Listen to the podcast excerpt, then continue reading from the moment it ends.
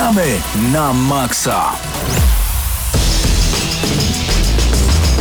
Witamy Was bardzo gorąco w kolejnej audycji Gramy na Maxa razem ze mną Mateusz Zanowicz, Eurogamer.pl. Dzień dobry Mateuszu. Dobry wieczór. Dobry wieczór, to prawda. Paweł Typiak przed mikrofonem, a także cała plejada moich Gramy na Maxowych gwiazd, czyli Mateusz Widut, Krzysztof Lenarczyk, a także Patryk Ciesielka i Paweł Stachyra. Dzisiaj mamy naprawdę niesamowite święto, jeżeli chodzi o gry wideo i nie jest to E3. Dzisiaj będziemy recenzować bardzo dużo gier, dlatego myślę, że audycja potrwa troszkę ponad godzinę, a zaczniemy już za chwilę od, e, chciałem powiedzieć Injustice, ale słowo na i także pojawia się w tej nawalance. Mam na myśli tutaj Marvel vs. Capcom Infinite. To już za chwilę.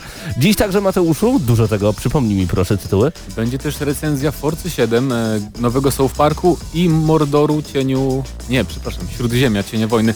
Z tą grą jest problem, bo tytuł nam się bardzo kojarzy, że powinien być Mordor w tytule, bo był w jedynce, tu nie ma Mordoru w tytule, więc No właśnie. Śródziemie, Cień, Woj Cień Wojny. Tak jest. I to wszystko dzisiaj, także postaramy się zrobić top 10 gier halloweenowych, czyli takich trochę strasznych, a zresztą na pewno wiele razy Was zaskoczymy, dlatego nie czekajmy już dłużej. Niech nadejdzie moment pierwszej recenzji, a zaczniemy od Marvel vs. Capcom Infinite. Gramy na maksa! Trzeba przyznać Mateuszu, że zbieraliśmy się trochę z tą recenzją Marvel vs. Capcom Infinite. To najnowsze mordobicie, które pojawiło się we wrześniu. Dużo mordobić w tym roku. Mieliśmy m.in. Injustice 2, mieliśmy Tekkena 7, no i w końcu dla fanów bijatyk 2D, chociaż Injustice też było 2D, dla fanów bijatyk 2D, staroszkolnych bijatyk Marvel vs. Capcom Infinite. Czego spodziewałeś się po kolejnej części, bo ja dużo więcej tego samego, dużo więcej nowych postaci i przede wszystkim takich ultrasów, że mi oczy wypali w Full HD. To znaczy ja się mało spodziewałem ogólnie, bo już od pierwszej zapowiedzi przede wszystkim e, trochę odrzucał mnie styl grafiki, który zupełnie rezygnuje z e, takiego fajnego komiksowego stylu e, cel shadingowego, który było w trójce w poprzedniej części, bo to jest tak naprawdę czwarta część Marvel vs. Capcom, tylko że nie ma czwórki w tytule, bo twórcy chcą ją traktować jako platformę, która będzie rozwijana przez DLC przez ileś tam lat. Mm, ale moje oczekiwania nie były jakieś wygórowane, po prostu nie miałem tych oczekiwań za bardzo, muszę przyznać. I myślisz, że twórcy ze względu na słabą sprzedaż tej gry zrezygnują z tego jako z platformy, czy będą w jakiś sposób rozwijać ten tytuł? Ja myślę, że fani, tacy hardkorowi fani, bo chyba głównie z myślą o takich fanach jest stworzona ta gra, mm, jednak e, chętnie kupią te DLC, ponieważ o tym też będziemy mówić, że postacie, które zapowiadano właśnie, że będą w tych dodatkach, są bardziej ekscytujące niż to, co otrzymaliśmy w podstawowej wersji i to jest chyba tak jeden z głównych problemów, jak dla mnie przynajmniej z tą grą. Do roostera, czyli do zbioru postaci, jaki pojawia się w Marvel vs. Capcom Infinite, przejdziemy za chwilę. E, Cieszę się, że zrecenzowaliśmy tę grę tak późno, ponieważ z tygodnia na tydzień rozmawialiśmy, co wystawimy tej grze i ja jeszcze, jeszcze tydzień temu chciałem wystawić wyższą ocenę, ale w międzyczasie sięgnąłem po poprzedni tytuł, czyli Marvel vs. Capcom 3 w wersji Ultimate i i obniżę na pewno, obniżę dosyć mocno. Dobrze, nie spoilujmy tego, jaki będzie ostateczny wynik, o co chodzi w Marvel vs. Capcom. Mamy tryb fabularny, który jest tak zagmatwany, że jakby złożyć do siebie modę na sukces, klan i wrzucić tam wszystkie postacie Marvela, to byłoby zbyt proste. Tam mamy kolizję dwóch światów, które ze sobą e, łączą, czyli mamy świat gier... Mm, stworzonych przez firmę Capcom, a także świat komiksów stworzonych przez Marvel i nawet niektóre rzeczy udało im się tak połączyć, że ma to sens, aczkolwiek dla osoby z zewnątrz jest to takie wielkie co? Ja właśnie gram. No tak, to prawda, to, to jest też akurat jakby jedynym plusem tej, e, tej, tej fabuły jest to, że jakby twórcy nie starają się za bardzo tego tłumaczyć, dlaczego te postacie się już znają, bo są takie momenty, że po prostu wita nam się na przykład bohater Dead Rising ze Spider-Manem i Tak. niby są kolegami. Nie jest to wszystko tłumaczone i to jest fajne, ale mimo wszystko strasznie zagmatwana fabuła, przyznam oczywiście, ale Injustice 2 też była zagmatwana fabuła moim zdaniem, ale jakby była lepiej zrealizowana, bo tam mieliśmy lepsze trochę em, jakby to powiedzieć, kontekst walk był jakiś Tak. tam w ogóle obecny, a tutaj po prostu nam się biją postacie czasem, bo tak, nie? Bo tak. I dla mnie najgorsze w fabule jest to i najbardziej denerwujące, bo wszyscy chcą brać em, pełnymi garściami z tego, co pokazało Mortal Kombat 9. To oni pokazali jako pierwsi świetną fabułę w grach walki i potem każdy kolejny próbuje w jakikolwiek sposób naśladować właśnie Mortala 9. I bardzo dobrze, tutaj też jest taka próba, tyle tylko, że w Mortalu 9 czy w Injustice mieliśmy tak, że mieliśmy na przykład rozdział 9, rozdział Jacksa, czy rozdział 9 to był rozdział Supermana na przykład i graliśmy tym Supermanem, uczyliśmy się kilku ruchów i mogliśmy cokolwiek zdziałać. A tutaj przechodzimy całą grę wciskając do przodu i kwadrat robiąc automatyczne combo, co jest plusem i minusem e, jednocześnie, jeżeli chodzi o te komba, do tego jeszcze przejdziemy, ale najbardziej mnie to denerwowało, że nie mogłem przyzwyczaić się do żadnej postaci, bo non stop się one zmieniały. Dosłownie co walkę grałem zupełnie kimś innym, więc już wolałem po prostu przebrnąć przez tę dziwną fabułę i aż doszedłem do ostatniego bossa, nie pojawił się ani grama mojego skilla, nie zostało e, akty- uaktywnione. Tak, to prawda. Bo tu jest taki błąd, bo wydaje mi się, że twórcy bijatyk nie powinni starać się za wszelką cenę e, wpychać nam wszystkich postaci do Mhm. trybu fabularnego. Jeżeli po prostu mamy się nauczyć jakichś tam podstaw rozgrywki poza tutorialem, którego tutaj nie ma za bardzo w tej grze niestety, e, no że to trzeba się go doszukiwać. tak, tak, to, to po prostu powinniśmy otrzymać jakieś, nie wiem, sześć postaci, nawet jeżeli tych wszystkich postaci jest 30 w Tak całej grze, jest. To jednak lepiej mieć mniej ich w fabule, ale po prostu żebyśmy bardziej poznali ich ciosy i możliwości i tak dalej. Tego tutaj niestety zabrakło. Już nawet nie marzyłem o tym, że mogę sobie podejrzeć e, ciosy i zaznaczyć te, które mają mi się wyświetlać cały czas na ekranie. No nie, to nie ma sensu, bo i tak po jednej walce zmieniają nam się zawodnicy i to, czego nauczyłem się Spider-Manem, e, będę, e, będę mógł już o tym zapomnieć, ponieważ pojawia się nowa postać i nowe ciosy, aczkolwiek większość tych ciosów i tak wyko- wykonujemy ćwierć kółkami, czyli dół, przód, na przykład punch, dół, tył, kick. No tak, jest, jest jedno takie combo, już nie mówię o automatycznym combo, tylko takie normalne combo jest, jest uniwersalne dla wszystkich postaci, takie z wybiciem w powietrze i potem jeszcze z dodatkowymi ciosami. Mhm. Ale y, o fabule chyba już nie ma za bardzo co mówić. Moje, jest, O fabule jest, nie ma co. y, jest słaba, jest Osta- słaba. jest I słaba. Nawet ostatni boss jest irytujący, ale w taki sposób, chociaż tu bez spoilowania nie da się mówić, więc trudno, nie będę za bardzo chyba e, krytykował tego, ale w każdym razie ten ostatni boss jest zrobiony w taki sposób, jakiego ja bardzo nie lubię w bijatykach i jest bardziej frustrujący niż, niż przyjemny w jakikolwiek sposób. Nieczęsto pojawia się taki styl bossa, dodam tylko, że to nie jest normalna walka, aczkolwiek tutaj w końcu musiałem zacząć kombinować i wykorzystywać te Infinite Stone, czyli kamienie nieskończoności. Czym są te kamienie dla uniwersum Marvela? Tak, dobrze E, mówię, Powiem Marvela. Ci, że ja nie, nie za bardzo ogarniam o co tam chodzi. Wiem, że e, te Infinity Gems w oryginale e, to są takie kryształy, które próbuje e, zebrać, to są jakieś artefakty ogólnie i próbuje te kryształy zebrać Thanos, to jest jakiś tam główny zły w tym, e, w tym uniwersum Marvela, po to, żeby tam w ogóle mieć jakąś supermoc i zawładnąć całym światem. Więc... I one się pojawiały w filmach zawsze po napisach końcowych. Tak, i teraz w ogóle będzie jakiś film z Avengersami nowy i one tam odegrają już dużą rolę. Okej. Natomiast e, cała fabuła właśnie obraca się wokół tych kamieni, ale to jest mniej istotne, e, bo one mają gameplayowe zastosowanie też. E, Jest ich sześć i każdy ma dwie, dwa różne zastosowania. To znaczy na przykład mamy Reality Stone, e, który podstawowy taki cios tego kamienia powoduje, że wystrzeliwujemy taki pocisk, który leci powoli w kierunku przeciwnika. Natomiast e, supermoc tego kamienia polega na tym, że nagle każde, każdemu naszemu ciosowi towarzyszy jakiś efekt, na przykład e, uderzające pioruny z powietrza, czy e, lód zamrażający ziemię tam, gdzie stoi przeciwnik. Inny kamień z kolei pozwala na przykład trochę się podleczyć, wysysać, wyssać trochę zdrowia z przeciwnika.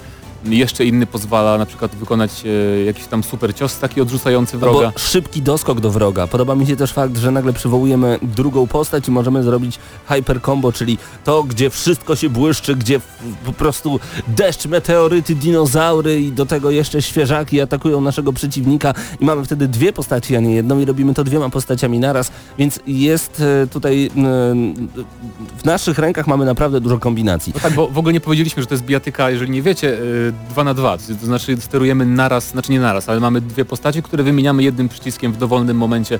I to jest też fajne, to jest jedna z zalet tej gry, że jest ba bardzo mało ograniczeń a propos tego, kiedy wymieniamy tą postać w Tak. trakcie walki. Podczas kombosa możemy, podczas właśnie super ciosu, który ma super animację efektowną, Czyli e, gramy... to otwiera jakby takie dodatkowe możliwości. Gramy trochę takim tagiem zmieniając y, postaci, ale kiedy zmienimy postać w złym momencie, to obie dostają po gębie i obie tracą em, swój pasek życia.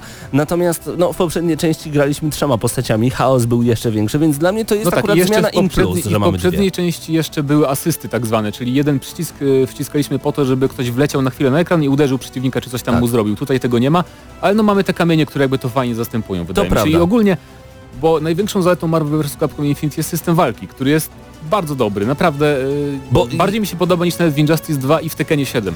Bo- Sam podstawowy system walki. On jest dobry dla nowicjusza, który rzeczywiście będzie dwoma przyciskami aktywował hiper combo i będzie się coś działo na ekranie, a jednym przyciskiem będzie robił combo automatyczne i także będzie miał wrażenie, że coś dzieje się na tym ekranie i ta walka będzie sprawiać dużo satysfakcji, ale w momencie, kiedy wejdziecie głębiej w opcję, kiedy zobaczycie, że każda postać ma swoje specjalne em, rzeczy do stworzenia, misje do, do przejścia i kiedy ogarnięcie na przykład, że niektóre postaci się ze sobą łączą, jak na przykład Dante i Kapitan Marvel, które mają e, ten, sam, ten sam cios, który przemienia ich w trochę inną postać, w demona albo wyzwala moc Kapitan Marvel, to jest dół, dół, dwa kiki. No i dzięki temu możemy naprawdę robić coraz lepsze kombinacje. I kiedy oglądamy te misje, kiedy sprawdzamy, naprawdę lista jest ogromna na cały No ekran, tak, bo co te, mamy te, zrobić. misje, te misje to jest takie zastępstwo takiego jakby samouczka, to znaczy mamy szereg misji i każda każe nam zrobić jakiś kombos i dzięki temu trochę się uczymy tego właśnie Znaczy, jak żeby nie możemy było, grać. w grze jest samouczek, tam jest Ale on jest taki bardzo podstawowy, Tak, nie? tak, tak, Ja, on ja, jest ja, teraz mocno patrzę, ukryty. ja teraz patrzę na te tutoriale z perspektywy Killer Instinct, gdzie jest po prostu e, kosmiczny tutorial dojo, więc Trzy godziny Blast Blue i y, No doskonale wiecie jak gra się w nawalanki 2D. Ale skoro tak bardzo nam się podoba ten system walki, e, to co Mhm. nam się nie podoba, bo największą wadą oprócz tego okropnego stylu graficznego, którego nie mogę przeboleć, jest właśnie lista postaci, które są nam oferowane w podstawowej grze.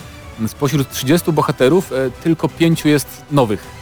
Pięciu jest nowych i on, one wyglądają co ciekawe najlepiej te postacie, które są zupełnie nowe, więc to jakby udowadnia to, że mm, te pozostałe zostały przeniesione modele z poprzedniej części, co zresztą też jest potwierdzone, bo w ogóle ta gra, y, stworzenie jej kosztowało mniej niż y, twórcy Capcom wydał na samo DLC do Street Fightera 5, taka ciekawostka. Wow. Mm, Ale nie ma w ogóle też X-Menów w tej grze. Ja nie wiem, nie wchodzę już w szczegóły, czy ten, ten Fox kontra Marvel nie dogadali się może, ale no jednak X-Meni zawsze byli po prostu tak nieodłączną częścią tej serii, Ja że uwielbiałem i. Wolverinem i Storm grać, no przecież to były moje ulubione postaci, no i niestety tutaj ich zabrakło. Ja wiem, że mamy takie, takie dziwadła jak Nemesis, jak jakiegoś Artura, to jest chyba z y, Ghosts and, Ghosts and Goblins. Chyba takim- takie. A- On jest chyba z tej gry, ale naprawdę to, to są czasami postaci z tak dziwnych gier, jest, jest mnóstwo postaci, którymi nikt się po prostu nie ekscytuje. Jest Firebrands na przykład. tak, E, tak. No Że- po prostu nikogo. No. Tak, a ja pamiętam w poprzedniej części, kiedy mieliśmy boginię Amaterasu e, w postaci Wilczycy, kiedy mieliśmy Beautiful Joe z rewelacyjnej platformówki z DS-a, PlayStation 2 czy GameCube'a. To były fajne postaci, bo to naprawdę dawało dużo świeżości do tej No gry, a tak, tutaj tak. mamy dużo takich niepotrzebnych charakterów. I I też jakby szkoda. goryczy dodaje do tego fakt, że wszystkie postacie z DLC, z DLC to są te nowe postacie. Czyli mamy Black Panther, mamy Sigmę, którego też nie było w żadnej części. Mamy Monster Hunter, kobiecą Monster Huntera z serii Monster Hunter, więc i wszystkie kolejne postacie też będą takie, których nie było w trójce, więc to mnie strasznie boli, nie? Czyli że oni trzeba- nie dodali trochę więcej tych nowych postaci do podstawowej Aha. gry, a potem nie dodawali takich mieszanych w DLC. No tak, albo żeby były wielkie powroty z trzeciej części właśnie w dodatkach. Czyli za nowe postaci trzeba po prostu dopłacić, mimo iż wydajemy naprawdę niezłe pieniądze za Marvel vs. Capcom Infinite. No i szkoda, ale radość płynąca z samej gry jest naprawdę ogromna, więc w, w zależności, bo ja mimo wszystko jestem fanem bijatyki, mimo wszystko będę polecał tę grę, chociaż ocena będzie trochę gorzka, bo, bo krok wstecz zanotowała seria, niestety. Będę polecał dla osób, które uwielbiają grać na jednej kanapie. Rewelacja. We dwie osoby będziecie bawić się świetnie, Tak a jeżeli, jest. a Mhm. jeżeli macie arcade sticky, to to już będzie po prostu to będzie jak Samba di Janeiro. Tak, tak, ja się tu zgodzę fiesta. naprawdę. To będzie fantastyczna fiesta. I jeżeli chcecie grać po sieci, To nie, to nie, nie naprawdę. no nie. Ja, znaczy nie wiem jak ty, ja się nie uważam, że mi za mistrza w biotykach, ale w Injustice 2 i w Tekkenie 7 nie miałem żadnych problemów, w sensie dobierało mi przeciwników, z którymi sobie jakoś tam w miarę radziłem. I miałeś przyjemność z grania. Tak jest, bo nawet jeżeli przegrywałem, to to nie było taki sromocny, wiesz, e, wycisk, że po prostu nie mogłem się pozbierać. Tutaj po prostu mam wrażenie, że każdy mecz to jest, e, dopasowuje mi jakiegoś super progracza z, z turnieju EVO, więc jestem Też- po prostu miażdżony i mam wrażenie, że tę grę kupili tylko i wyłącznie super hardkorowi fani poprzedniej części. Dokładnie takie samo wrażenie ja odnoszę. Wchodzę y, w sieć i jestem tak niszczony, że dosłownie na perfekcie ze mną To wygrywają. oczywiście nie jest wada gry, prawda, ale jednak trzeba to zaznaczyć, wydaje mi się. Tak. Jeżeli nie macie znajomych, z którymi możecie pograć albo na jednej kanapie, albo po sieci w pokoju, stworzyć sobie lobby, To nie będzie gra dla was niestety. Natomiast e, czy jest co robić e, w singlu? Bo Injust- niewiele. Injustice 2 pokazało, pokazało, że można zrobić dużo. Mortal Kombat X i XL pokazały, że można naprawdę dużo robić Nawet siedzieć. I Tekken te- 7 nie miał dużo, ale miał ten Treasure Battle, który jest bardzo angażujący, nie? Bo zdobywasz sobie Tak. nowe itemki. A tutaj, a tutaj przechodzimy fabułę, potem przechodzimy wszystkimi postaciami, no i ta gra w końcu zaczyna nas nudzić się Mamy kończyć. tylko zwykły podstawowy arcade mode, czyli tak po prostu walka z siedmioma chyba tam postaciami pod rząd Mhm. i tyle. No właśnie. I w zeszłym tygodniu chciałem dać 7 na 10, myśląc sobie, ale fajny jest ten system walki, bo i nowicjusz sobie pogra, a y, osoba, która jest naprawdę doświadczona, będzie mogła naprawdę wycisnąć siódme poty z tej gry. Natomiast odpaliłem sobie wczoraj i grałem aż do 2.30 w nocy. Jestem dzisiaj mega niewyspany. Dopiero tak, co tak naprawdę wstałem, bo musiałem trochę odespać tę nockę. Grałem sobie w Marvel vs. Cap Ultimate Marvel vs. Capcom 3, która jest o niebo lepsza. Marvel vs. Capcom 3 to 9 na 10. To to jest krok wstecz, to jest grafika, która jest bardzo słaba, styl graficzny, który jest bardzo słaby, to jest rooster postaci, który jest moim zdaniem nie do przyjęcia, to jest tylko 6 na 10, a mimo to zatwardziałym fanom, którzy już skończyli Injustice, Mortala i Tekkena, serdecznie polecam, mimo 6 na 10. Ja też polecę, tylko tak jak powiedzieliśmy wcześniej, nie nastawiajcie się na rozgrywkę online, jeżeli nie macie doświadczenia z poprzedniej części, bo po prostu będziecie się tylko frustrowali. I ode mnie też 6 na 10, bo poza, poza systemem rozgrywki, który jest świetny, wszystko rozczarowuje. Wszystko mnie rozczarowało w tej grze. Jestem bardzo rozgoryczony tym, jakie postacie nam Capcom zaserwował i tą polityką związaną z DLC. Ja wiem, że tak głupio trochę krytykować, bo wydawca musi zarabiać, ale powinni to zrobić inaczej, powinni to rozegrać w inny sposób. I byłoby wtedy na pewno dużo wyżej. No i szkoda, że nie ma tej grafiki komiksowej, bo ona tak pasuje do... No nic nie pasuje do tej gry jak grafika komiksowa. W końcu to postaci prosto z komiksów. Marvel vs. Capcom Infinite dostaje od nas 6 na 10? 6 na 10. 6 na 10 i dziękujemy Cenedze za dostarczenie gry do recenzji. Moim zdaniem mimo niskiej oceny i tak warto sięgnąć po ten tytuł.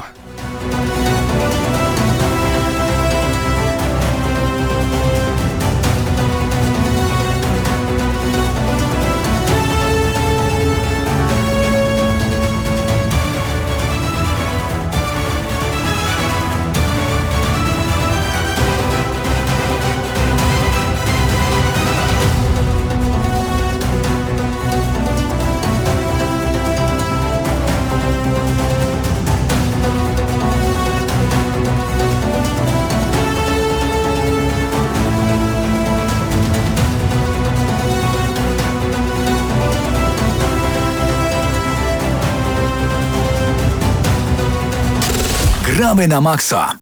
Reklama. Gdzie w Lublinie chodzi się teraz na dobre piwo? No jak to gdzie? Nazwa mówi sama za siebie. Do restauracji Browar Lublin. U nas miło spędzisz wieczór, zjesz coś dobrego, a nawet zorganizujesz imprezę rodzinną lub firmową. I oczywiście napijesz się piwa ważonego na miejscu według tradycyjnych receptur. Restauracja Browar Lublin, krakowskie przedmieście 7. Rezerwacje pod numerem telefonu 81 502 96 20. Sprawdź nasz profil na Facebooku lub wejdź na stronę browar.lublin.pl. Szefowo, widziała pani gdzieś fakturę od Taurona? O, tu! Taka leciutka, że aż frr, poleciała. Bo gdy przenosisz firmę do Taurona, na start masz prąd i gaz w super niskich cenach. Gaz za złotówkę przez rok i serwisantów do prądu i gazu za 1 zł każdy. Złap lekką fakturę od Taurona. Zadzwoń 555 444 555 lub wejdź na tauron.pl ukośnik lekka faktura. 1 zł to stawka za gaz nie licząc kosztów akcyzy, stawka abonamentowa i za usługę serwisanta dla grup W1 i W2 w cenniku dwuletnim do końca 2018 roku. Reklama. Gramy na maksa. Tym razem w gramy na maksa, łapiemy za kierownicę, wciskamy pedał gazu aż do podłogi, no i, i zaczyna, zaczyna nas budzić ten wiatr we włosach, zaczyna nam się podobać ta muzyka i zaczynamy jeździć Forza Motorsport 7 wylądowała na konsoli Xbox One, a także na PC-tach. I czy nam się podoba, Krzysztofie? Bardzo. Bardzo nam się podoba, ale jaka będzie nasza końcowa ocena, no to będzie coś być może zaskakującego, być może nie. Forza Motorsport, a dokładnie Turn 10 przekonało nas do tego, że wydawanie z roku na rok na zmianę. Raz Forcy Horizon, która jest bardziej arcade'owa i przedstawia przede wszystkim taki styl otwartego świata, zupełnie inną jazdę niż w Forcy Motorsport, a potem zaskakiwanie nas kolejną Forcą, e, która jest bardziej taka realistyczna, w zależności od tego, jakie ustawienia e, zostaną wprowadzone w grze. To nam się spodobało, bo raz, że gra się, każda z tych gier się dobrze sprzedaje, a dwa, że każda kolejna jest jakby takim rozwinięciem poprzedniej części. I to jest chyba dobre rozwiązanie, Krzysztofie.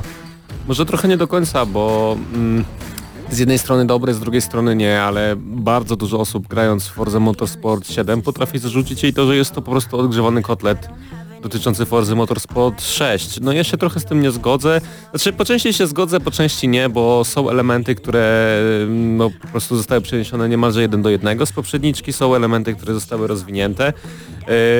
Ale summa summarum y, muszę przyznać, że tęskniłem za takimi wyścigami bardziej realistycznymi, zrobionymi dobrze, bo e, ani Project Cars 2 nie zaspokoił jakby mojej, mojej chęci. Błagam cię, nie mów mi w ogóle o tej grze. W momencie, kiedy dostałem do ręki Project Cars 2, nie mogłem skręcić tym McLarenem, którym jedziemy na samym początku, w ogóle w żadną stronę. Wjechałem w zakręt, w który się nie da wjechać, a potem, a potem się zdenerwowałem, zadzwoniłem do Krzysztofa, wyrzuciłem z siebie mnóstwo słów w, no, Niecenzuralnych. Nad, nad wiślańską łaciną powiedziałem generalnie w skrócie zabierz ode mnie tę grę, a potem przyszła Forza 7. I ja od razu rozkwitłem, poczułem ten staroszkolny sznyt ym, robienia zawodów, gdzie ja się nie gubię w niczym. Ja po prostu muszę stać się coraz lepszy z kolejnymi wyścigami, wybierać coraz ciekawsze samochody, te, które idealnie pasują do mojego stylu jazdy i to wszystko Yy, działa. Kariera w Forge jest tak skonstruowana, że ona nas jakby narzuca nam to, że raz musimy jechać takim samochodem, raz takim, nie pozwala nam się nudzić, część imprez jest też podzielona na pewne e, jakby elementy, że każdy Mhm. z wyścigów jest inny, E, no w grze jest ponad Ponad? 700. Czy około 700 samochodów. Ponad 700. Są, ale nie wszystkie oczywiście są dostępne za darmo, y, co od razu warto wspomnieć, ale no jest ich naprawdę bardzo dużo. I też co do samochodów, jak powiedziałeś, że no, gra ci pozwala wybierać taki, na który masz ochotę, to w grze jest taki system zwany mm, spinami. Nie, nie pamiętam jak to się po polsku nazywa, no ale w każdym razie za każdy level dostajemy taką paczuszkę z, z z nagrodami i oczywiście możemy też, te, też to kupować za realną gotówkę i tak dalej, za gotówkę zdobywaną. Yy, I w, w tej paczce możemy wylosować określone samochody lub walutę do gry i to jest bardzo fajne, bo czasami no naprawdę za darmo możemy wylosować jakiś yy, super samochód, o którym moglibyśmy tylko pomarzyć. To prawda, to prawda. Dlatego em, to mi się też spodobało, bo w trybie kariery odblokowywałem kolejne samochody, ale także zdobywałem kredyty, o których już właśnie wspomniałeś, bo niektórzy narzekają na mikrotransakcje. Ale na co tu narzekać, skoro e, nie muszę kupować tych paczek za realną walutę, czyli za złotówki, dolary, funty, czy cokolwiek tam macie, rupie, jeny, tylko mogę sobie spokojnie te kredyty zdobywać grając w Force, czerpiąc przyjemność z gry, więc dla mnie te mikrotransakcje, sorry, ale, ale nie istnieją, Czy dla, najwię- a dla mnie nie istnieją. Największy problem jest tylko taki właśnie, że część samochodów jest zablokowana poprzez to, że trzeba je odblokować jakoś poprzez DLC, no ale to też jakoś bardzo nie przeszkadza z racji tego, że ich, jest ich bardzo dużo. I no muszę przyznać, że Forza Motorsport 7 ma to do siebie, że każdym z samochodów jeździ się zupełnie inaczej. I to jest naprawdę niezłe. Więc y, zostańmy jeszcze na sekundkę przy y, samej karierze. Tu będziemy mieli y, karierę podzieloną na konkretne imprezy. Każda z imprez to na przykład jest seria wyścigów, gdzie musimy z czterech, pięciu, sześciu wyścigów zająć miejsce w pierwszej trójce. Dzięki temu zdobywamy punkty progresu i kiedy zdobędziemy na przykład 5 tysięcy, 15 tysięcy tych punktów doświadczenia danego, e, da, danego festiwalu, odblokowujemy kolejny festiwal, kolejne spotkanie, kolejną imprezę. W takiej innej imprezie może być także wyścig pokazowy, który mnie strasznie e, zaskoczył. E, Tutaj mamy nawiązanie oczywiście do Top Geara i e, za pomocą limu- nie pierwszy raz w Tak serii jest. Forza. z, za pomocą limuzyny będziemy musieli zbić kręgle na punkty, czyli mamy tutaj taki arcade'owy sznyt, który mi się także podoba, który jest takim lekkim oddechem i odpoczynkiem od bardzo poważnych wyścigów. Super. Podoba mi się także to, że mamy takie wyścigi również pojedyncze, e, które cofają nas w czasie o kilkadziesiąt lat do formuły sprzed wielu, wielu lat i możemy poznać trochę historię samochodów. Mamy wielkie postaci, mocne postaci w każdej recenzji pewnie jest wymieniany Ken Block, bo to jest jedna e, z, z pierwszych postaci, która pojawia się w tej grze, taka, która ma nas zainspirować i z którą będziemy się ścigać, ale tych postaci jest potem więcej. Nie chcę za dużo o tym opowiadać, ponieważ no nie chcę wam tego z- zepsuć tej zabawy, po prostu poznajcie te postaci, poznajcie te osoby. Fajnie, że się coś takiego pojawia i widać, że Turn ten zastanawia się w jaki sposób urozmaicić fanom wyścigów całą tą e, rozgrywkę. I udaje im się to świetnie. Chciałem powiedzieć, że urozmaicili grę dodając stroje dla kierowcy, które można odblokować, bo no, będąc szczerym, ciężko już w jakiś sposób y, drastycznie rozwinąć tę grę. Mhm. Ona jest naprawdę bliska grze idealnej i no, z każdą kolejną częścią twórcy dokładają kolejną cegiełkę w ewolucji serii. No i wydaje mi się, że ciężko będzie podnieść sobie jeszcze bardziej jakby tą poprzeczkę, żeby ta gra była jeszcze lepsza, bo ona jest i świetna graficznie, to y, warto podkreślić. I ma soundtrack, który wpada do ucha. Zresztą sami słyszycie y, piosenkę, która leci z niego.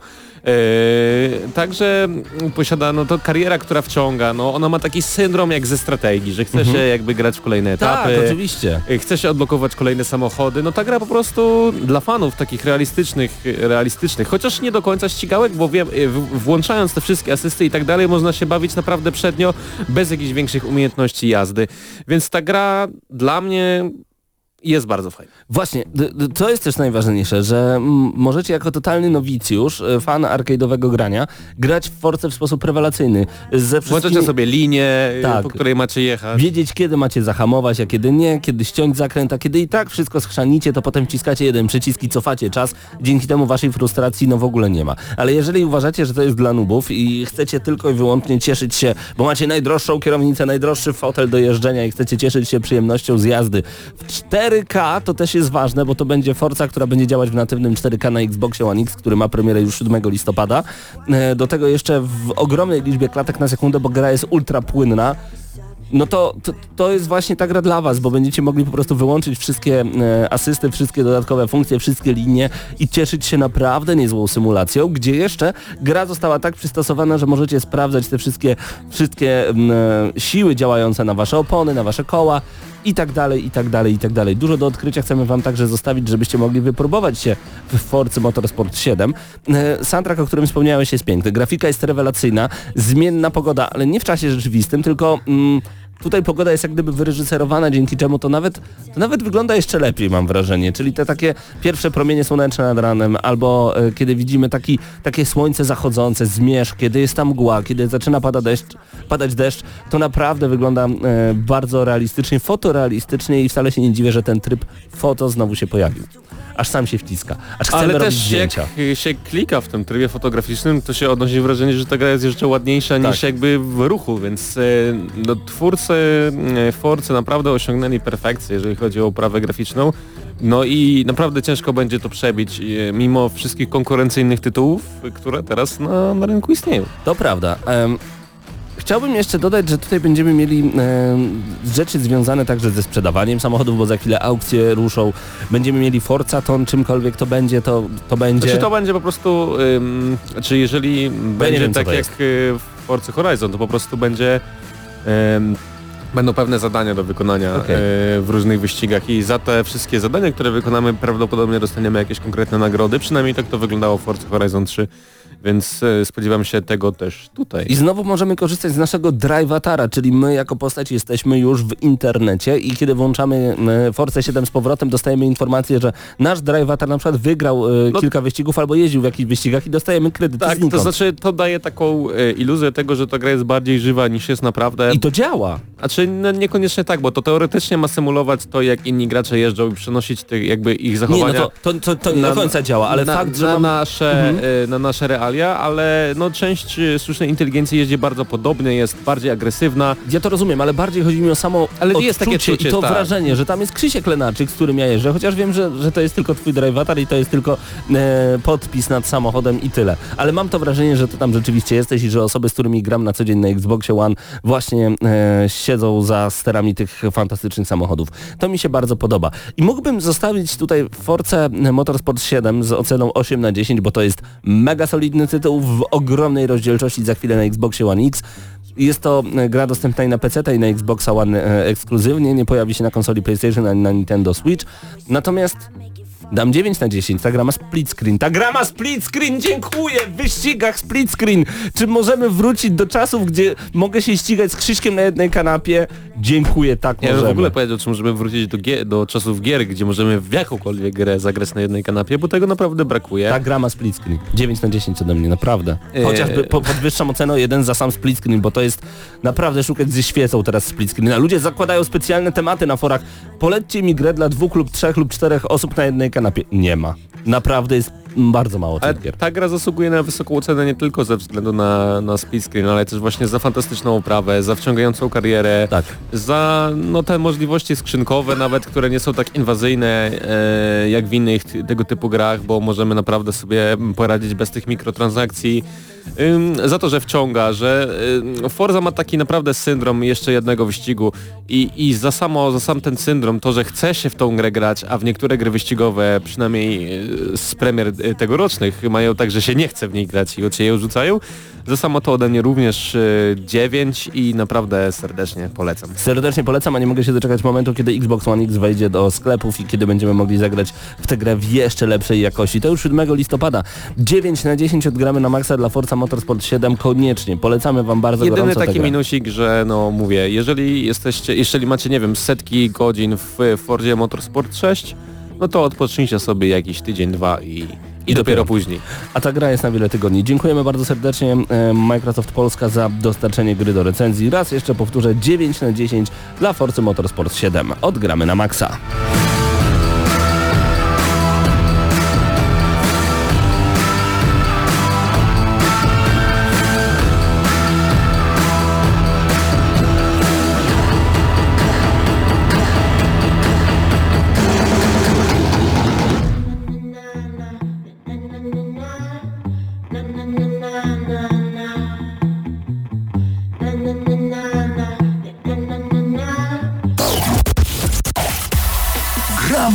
Na maksa.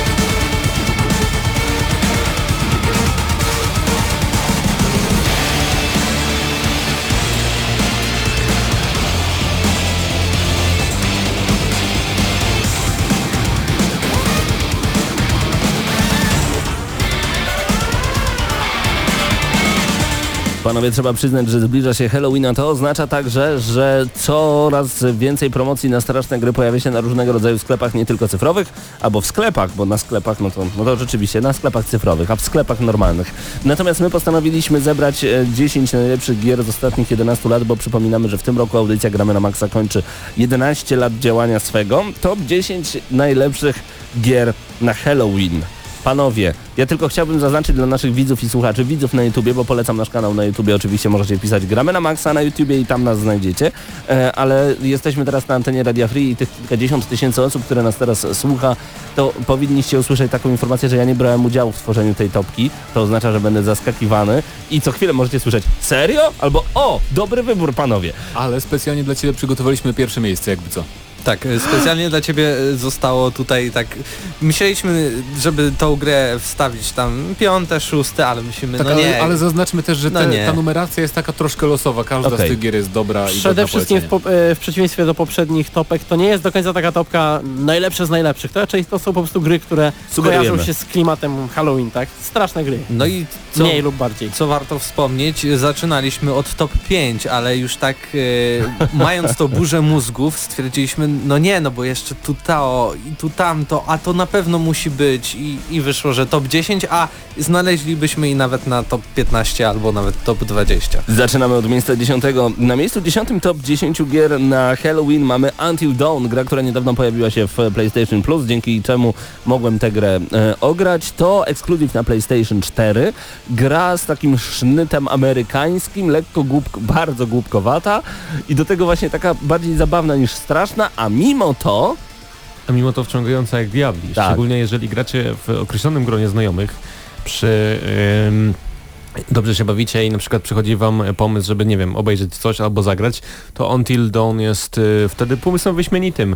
Podejmujecie decyzje razem, macie no, realny wpływ na losy bohaterów i tak naprawdę każde kolejne przejście tej gry w jakiś tam sposób lekko od siebie się różni. Gra posiada świetną oprawę e, audiowizualną, nawet polski dubbing, który jest beznadziejny i go nie włączajcie, e, tego nie psuje i po prostu e, też gra była w abonamencie PlayStation Plus e, za darmo jakiś czas temu, więc na pewno jeżeli korzystacie z funkcjonalności online konsoli PS4, bo gra wyszła tylko na PS4, e, to tę grę posiadacie i A nawet jeśli nie, to i tak ona chyba na wolnym rynku kosztuje już praktycznie grosze, tak mi się wydaje, bo każda gra, która wchodzi do PlayStation Plus, no to to już pewnie do 100 zł. To Nawet już. To jest naj, najlepsza gra ym, imprezowa, że tak powiem, jaka ostatnio wyszła, bo naprawdę można w grupie bawić się przy niej To moż, można zaliczyć tę grę do takich głupkowatych gier Halloween, przy których bardziej się pośmiejemy i pobawimy, a nie Ale przestraszymy. można się też przestraszyć w pewnych momentach. Dlatego same przechodzimy do jumpscary, w ogóle się nie bójcie, same numeru dziewiątego, czyli do Dead Space'a pierwszego, Tak który jest, jest. grą, którą, w której możecie się naprawdę I przestraszyć. tu jest też więcej gameplayu i w ogóle jest lepsza historia i tak Tu, dalej, i tak dalej. wszystko, tu wszystkiego jest więcej i lepiej. Dla mnie pierwszy Dead Space, co prawda nie pamiętam kiedy on wyszedł, który to był rok, czy zalicza się na, do, jeszcze do 11 Na lat. pewno. Ostatnio, Już ale nie robimy mniejsza. jedenastek. Dwa, nie, Mamy, cicho. lu, mamy luz. Ale Mamy luz. mniejsza A, o to. Ja W każdym razie robimy. Dead cicho. Space to jest dla A, mnie okej. Em, najlepszy taki następca Resident Evil 4, współczesny, Mhm. jaki, jaki powstał, nawet pomijam The Evil Within, które też mi się bardzo podobało zresztą, Mm, ale no nie ma, nie ma innego takiego dobrego horroru science fiction, wydaje mi się. Może, może, może poza e, pewną grą z obcym, która też chyba może jest na naszej liście, zobaczymy. Jest, jest. Zaraz zobaczymy. A, spoilujcie. spoilujcie dalej. Ale dalej. w każdym razie y, Dead Space to był przede- przede wszystkim świetny klaustrofobiczny klimat. Em, historia, która cały czas zaskakiwała tak naprawdę i bardzo fajnie się rozwijała przez całą grę. Tak. Em, I był tam gameplay, który y, to był taki survivalowy gameplay, to, był, to jest taki jedyny chyba prawdziwy survival horror na tej naszej liście z tego co patrzę. Um, I oczywiście ten system rozczłonkowywania potworów e, Mm. i sam ten koncept tych e, maszkar, które nas atakują był bardzo fajny, bo to nie były typowe zombie, chociaż trochę takich aspektów zombiakowatych e, posiadają te nekromorfy. Ale no i walki z bossami jak już są, chociaż nie są, nie są zbyt często, to też są ciekawie zrealizowane. Sam pomysł, sam, lokacje są świetnie zrobione, po prostu w tej grze wszystko jest świetne. Tam I wszystko dobrze gry, gra. Tak. Jak to się wszystko rozwija, dla mnie to jest gra bez wad praktycznie. I nawet, Mhm. nawet polecam wam dwójkę też, chociaż tam jest trochę więcej akcji, ale mimo to to nadal świetnym survival horror. To też jest hołd y, od nas y, ze względu na to, że Visceral Games zostało zamknięte kilka dni temu przez Electronic Arts. Niestety prawdopodobnie od tych twórców już nigdy nie zobaczymy Dead Space ani żadnych innych bardzo fajnych gier, które stworzyli, bo nie tylko Dead Space, ale Znaczy głównie Dead Space, nie? Bo po, poza tym zrobili Battlefielda Hardline, więc no. nie, jeszcze coś było na pewno.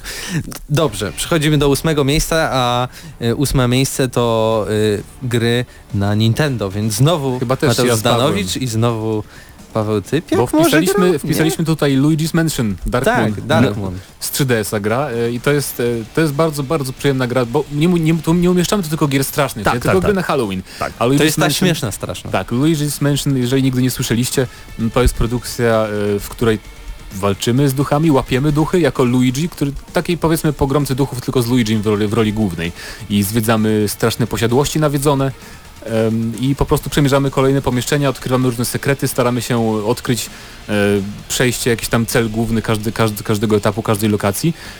I tak naprawdę to jest gra logiczna. Pomóż mi tutaj, jak to sklasyfikować, To znaczy, nie? Bo generalnie ja kojarzę Luigi's Mansion właśnie z tego faktu, że ta gra dobrze się sprzedała na, na 3DS-a ze względu na to, że to była gra startowa na GameCube'a.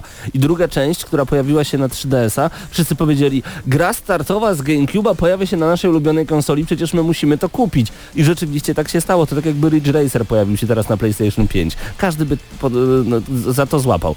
Dlatego no, powiem Ci szczerze, i, i, ja tak słabo kojarzę Luigi's Aha, Mansion. okej, no ale to mimo wszystko. wiemy no. o czym to jest, ale tak Tu nie chodzi tylko o to, że dobrze się sprzedało, bo to naprawdę y, 3DS ma wiele oczywiście takich Mhm. gier, jakichś niepowtarzalnych, wyjątkowych pod względem gameplayu, tak. a Luigi's Mansion jest jedną z nich. To znaczy, to nie jest ani typowa strzelanka, ani typowa platformówka, ani typowa gra logiczna, tylko bardzo ciekawy miks różnych stylów rozgrywki. I zapewni też chyba kilkanaście godzin dobrej rozgrywki, więc teraz jest już bardzo tania. Teraz chyba trafiona do takiej taniej serii pudełkowej na 3DS-a, więc wypatrujcie. Tym bardziej nie mieliśmy żadnej innej gry e, z Nintendo na tej liście, więc już wiecie, że tyl, tylko ta będzie, czyli Luigi's Mansion.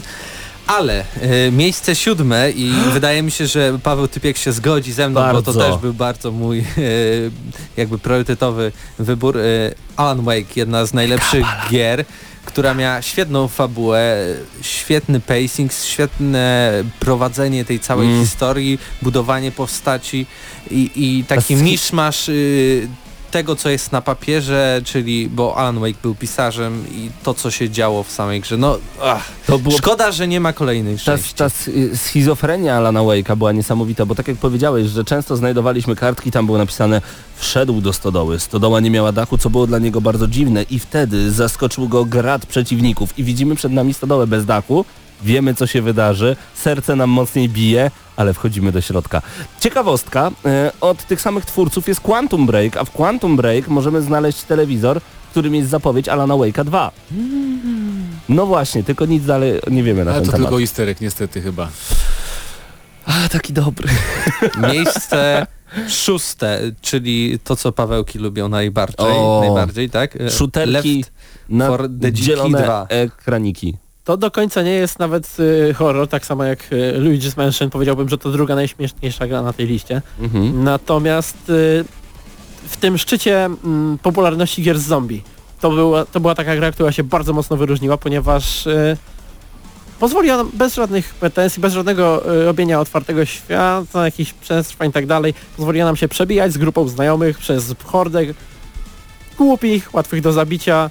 To nie zawsze. Ale, Jak tak, ta pani krzyczała, to ja bardzo uciekałem. inteligentnie, bardzo inteligentnie reżyserowanych zombie, ponieważ y, tam był też ten ciekawy system z tą reżyserią, gdzie mm, y, sztuczna inteligencja starała się podsyłać zombie tam, gdzie, gracz, gdzie gracze byli najsłabsi, to znaczy jeżeli został jakiś pojedynczy ciągnący się za grupą niedobitek, no to zaraz się pojawiała wokół niego horda, reszta miała albo go ratować, albo musiała uciekać. Wszystko było bardzo dynamiczne i te rozgrywki były bardzo mm, zróżnicowane. Dodatkowo wybraliśmy dwójkę, bo dwójka to tak naprawdę w tym momencie nie tylko jest, jest za darmo chyba, tak? Jeśli się nie mylę.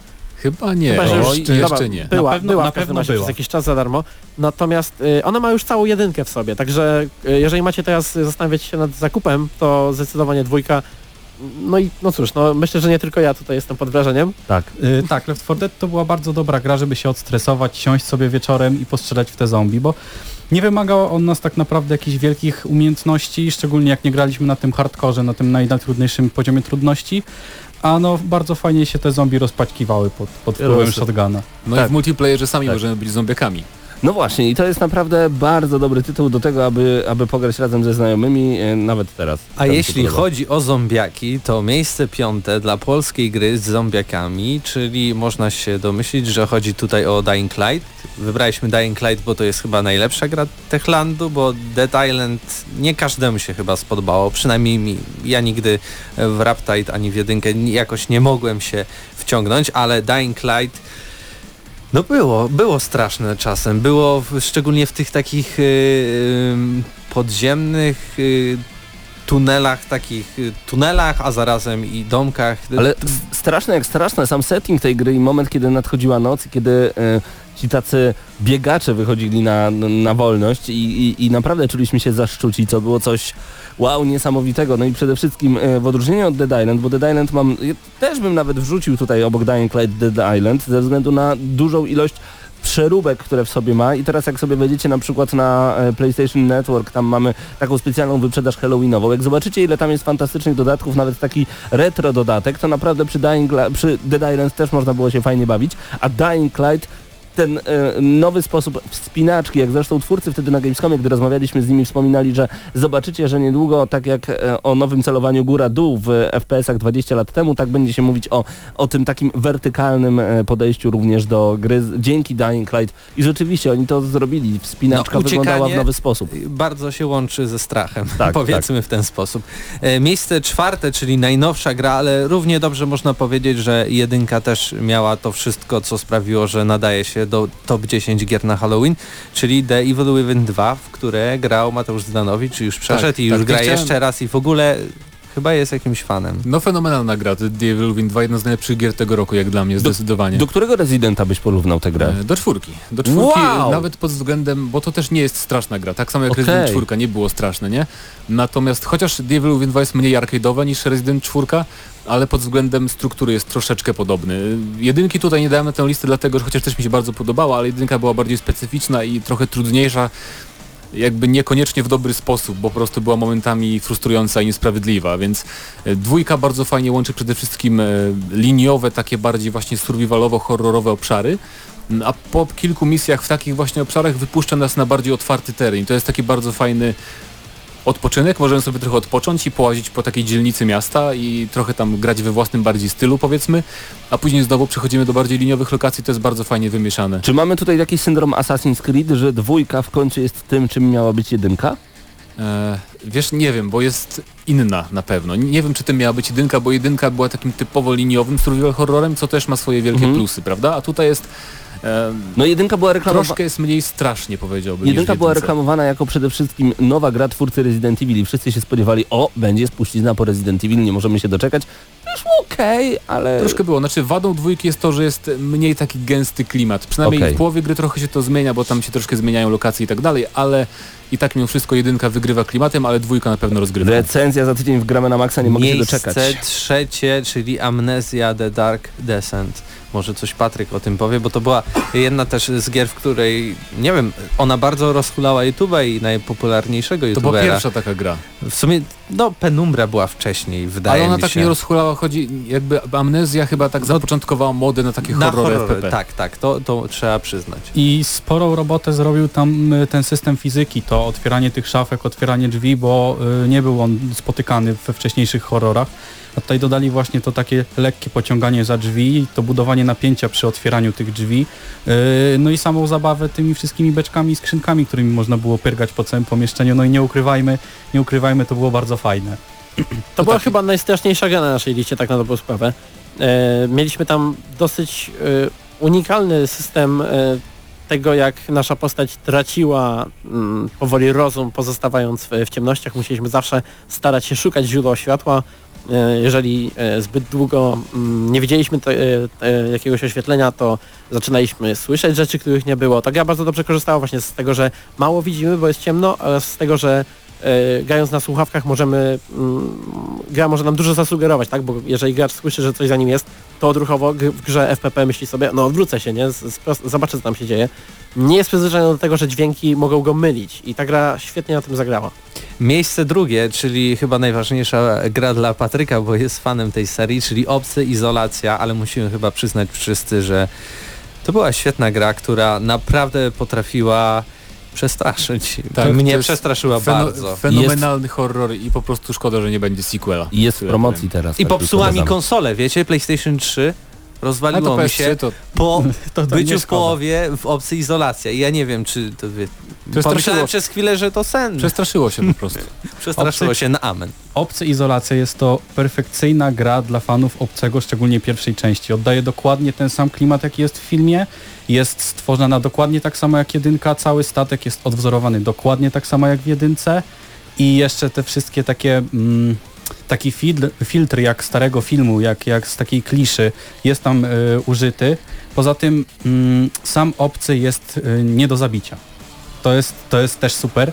I obcy potrafi przekradać się samymi wentylacjami, także słyszymy go gdzieś nad głową, że przechodzi, ale nie wiemy gdzie wyjdzie i I za każdym razem jest inaczej, więc nawet jeśli umrzemy i, i, i załadujemy jeszcze raz tą grę, to on nie pójdzie tą samą Tak, drogą. nie jest oskryptowany, to jest wielka zaleta, ale ja chciałem powiedzieć, że nie można zabić go, tego obcego, ale można go odstraszyć na przykład strzałem z shotguna w twarz. I to mi się bardzo podobało, że mieliśmy jakieś tam narzędzia obrony, pomimo tego, że nie można było go zabić. tak, i to się bardzo dobrze łączyło z tymi nieoskryptowanymi ścieżkami, bo no czasem nie było po prostu wyjścia innego, jak tylko odstraszyć obcego. Z tego co pamiętam, twórcy sami mówili, że obcy miał dwa mózgi zaimplementowane w sobie. Jeden zawsze wiedział, gdzie jest e, gracz, a drugi walczył z tym mózgiem, żeby tam nie pójść.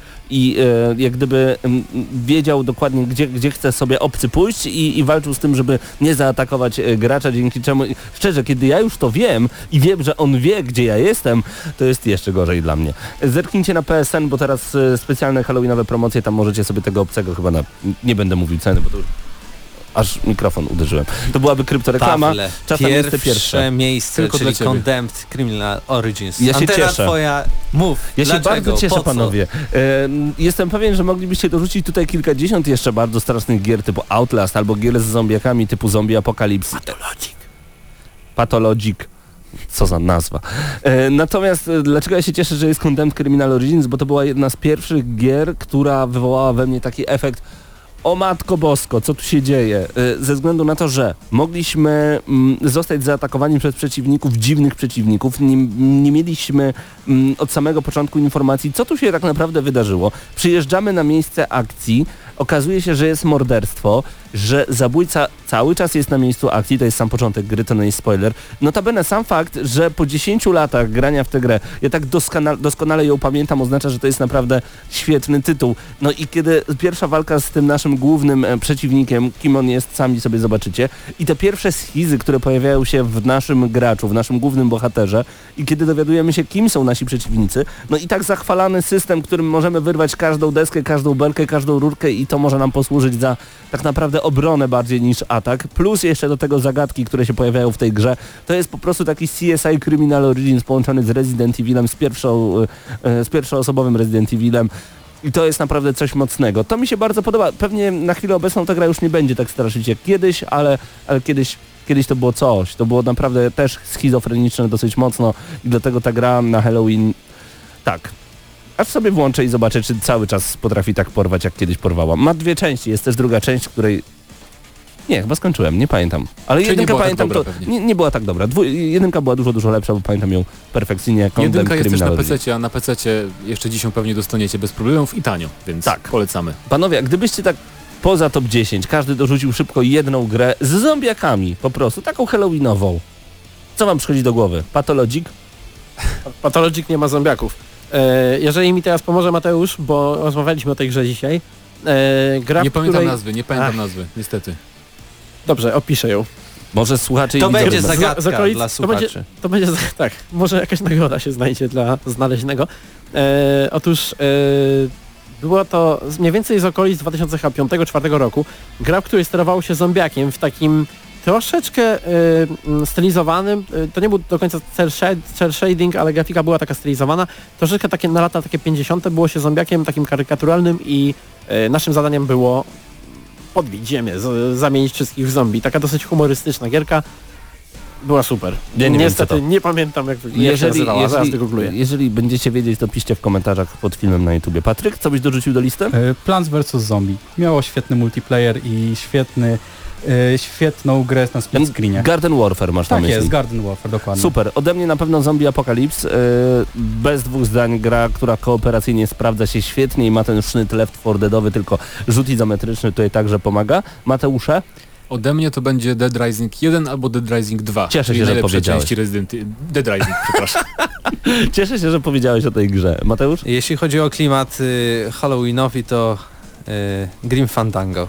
O, i tego się nie spodziewałem. To było nasze top 10 najlepszych gier halloweenowych. Dajcie znać, co wam się podobało. Dajcie znać także koniecznie, em, jakie wy gry byście dorzucili do swojej topki, do swojego top 10 na Halloween. Gier strasznych albo gier, tak jak powiedział Mateusz Grim Fandango, gier, które po prostu mają coś wspólnego z kościotrupami i są po prostu ciekawe. Yy, I oczywiście, jeżeli będziecie obserwować e, ten film na YouTubie, to miło nam będzie, jak zasubskrybujecie nas YouTube. Gramy na maksa. Tam jesteśmy.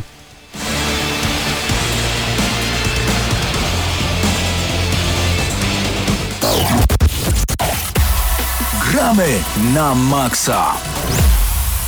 Reklama. Szefowo, widziała pani gdzieś fakturę od Taurona? O, tu! Taka leciutka, że aż frr, poleciała. Bo gdy przenosisz firmę do Taurona, na start masz prąd i gaz w super niskich cenach. Gaz za złotówkę przez rok i serwisantów do prądu i gazu za 1 zł każdy. Złap lekką fakturę od Taurona. Zadzwoń 555 444 555 lub wejdź na tauron.pl ukośnik lekka faktura. 1 zł to stawka za gaz nie licząc kosztów akcyzy, stawka abonamentowa i za usługę serwisanta dla grup W1 i W2 w cenniku dwuletnim do końca 2018 roku. Reklama. Gramy na maksa.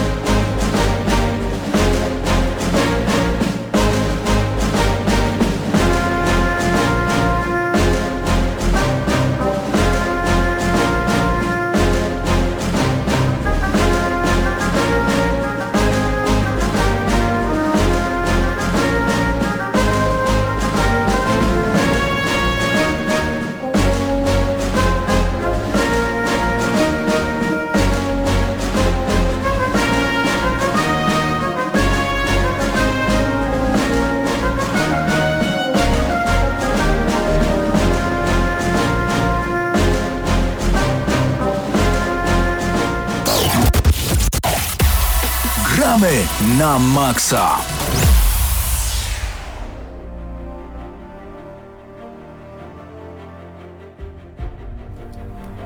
W Gramy na Maxa czas na y, kolejną recenzję. Tym razem będzie to y, Shadow, y, Middle Earth Shadow of War po polsku Śródziemie Cień Wojny. Gra miała premierę 10 października 2017 ro, roku, czyli no całkiem, całkiem niedawno. Dostaliśmy grę do recenzji od wydawcy i tutaj y, razem ze mną grał y, Patryk y, Ciesielka, który jest wielkim fanem ubijania orków i nie można powiedzieć, że uniwersum Tolkiena. I tak, zacznę pytanie, mm, zacznę tą recenzję od takiego pytania. Skoro jest to kontynuacja Shadow of Mordor, to co tak naprawdę w stosunku do poprzedniej gry się zmieniło? Co się zmieniło? No zdecydowanie fabuła. Ale y, największe rozwinięcie to jest mm, sam system Nemesis. System Nemesis y, uzyskał dużo up- upgrade'ów, dużo zmian i jest dużo świeższy i absorbuje gracza na większą ilość czasu. Bo akcja gry została ym, osadzona mm, bezpośrednio jakby po, po części pierwszej, która niestety ta część nie ma numerka i też y, mam taki problem, że no nie ma żadnego y, przypomnienia tego, co się działo w, w poprzednicy, tylko po prostu zostajemy bezpośrednio rzuceni w, w ten wir nowych wydarzeń. E, widzimy bohatera z poprzedniej części i tak jakby e, rozpoczynamy grę.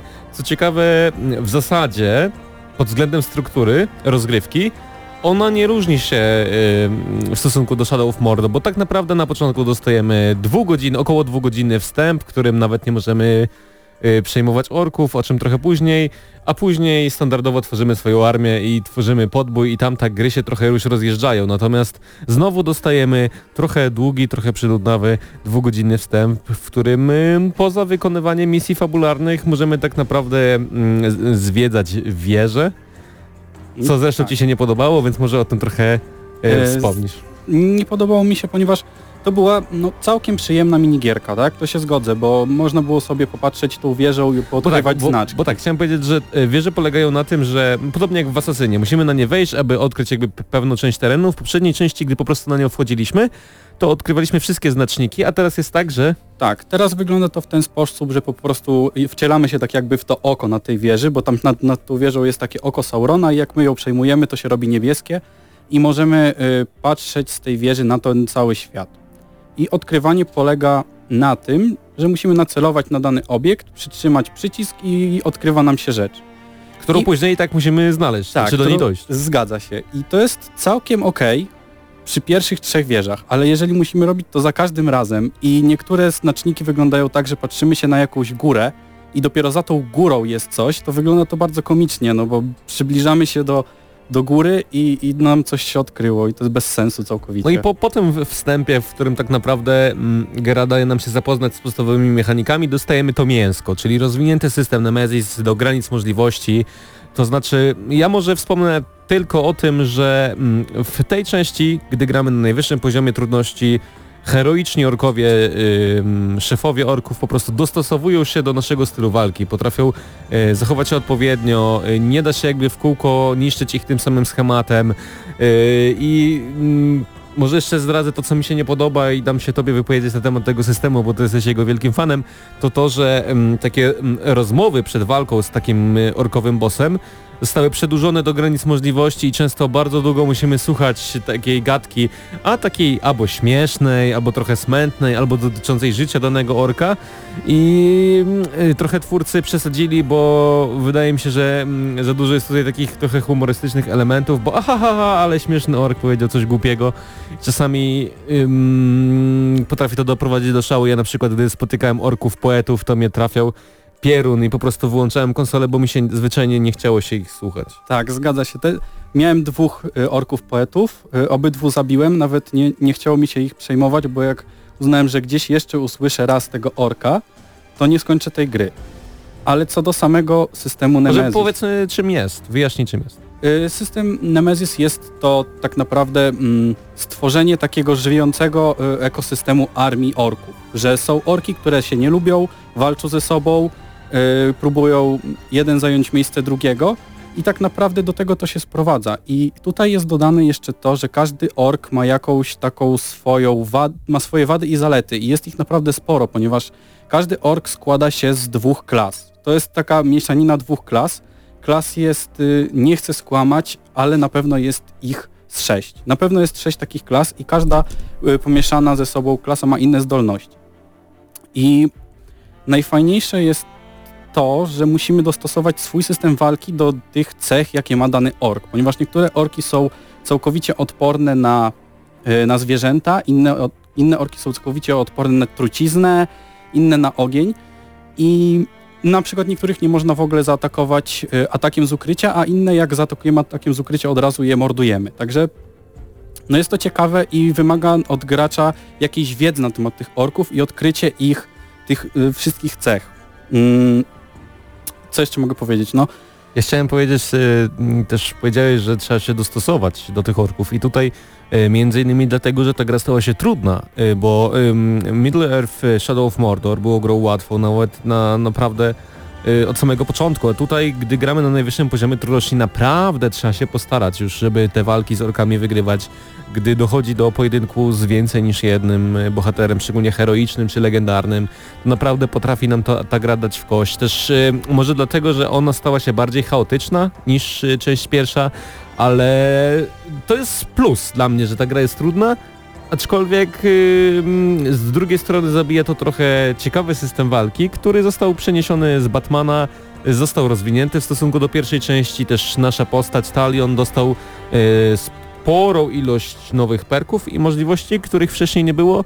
Y, I tutaj mm, trochę właśnie ta chaotyczność e, systemu walki no zabija to, że aż tak można rozwinąć tę postać i że to, że aż takie gra nam daje możliwości. Tak, bo walki są dużo większe, szczególnie przy oblężeniach, za których, mm, o których za chwilę powiemy, ale co mi się jeszcze bardzo podobało w rozwijaniu postaci, to, że na początku, jak zaczynamy grę, jesteśmy, jest naprawdę ciężko i zabicie kogokolwiek, nawet już nie mówię o legendarnych y, bohaterach, tylko tych podstawowych. podstawowych jest bardzo ciężkie.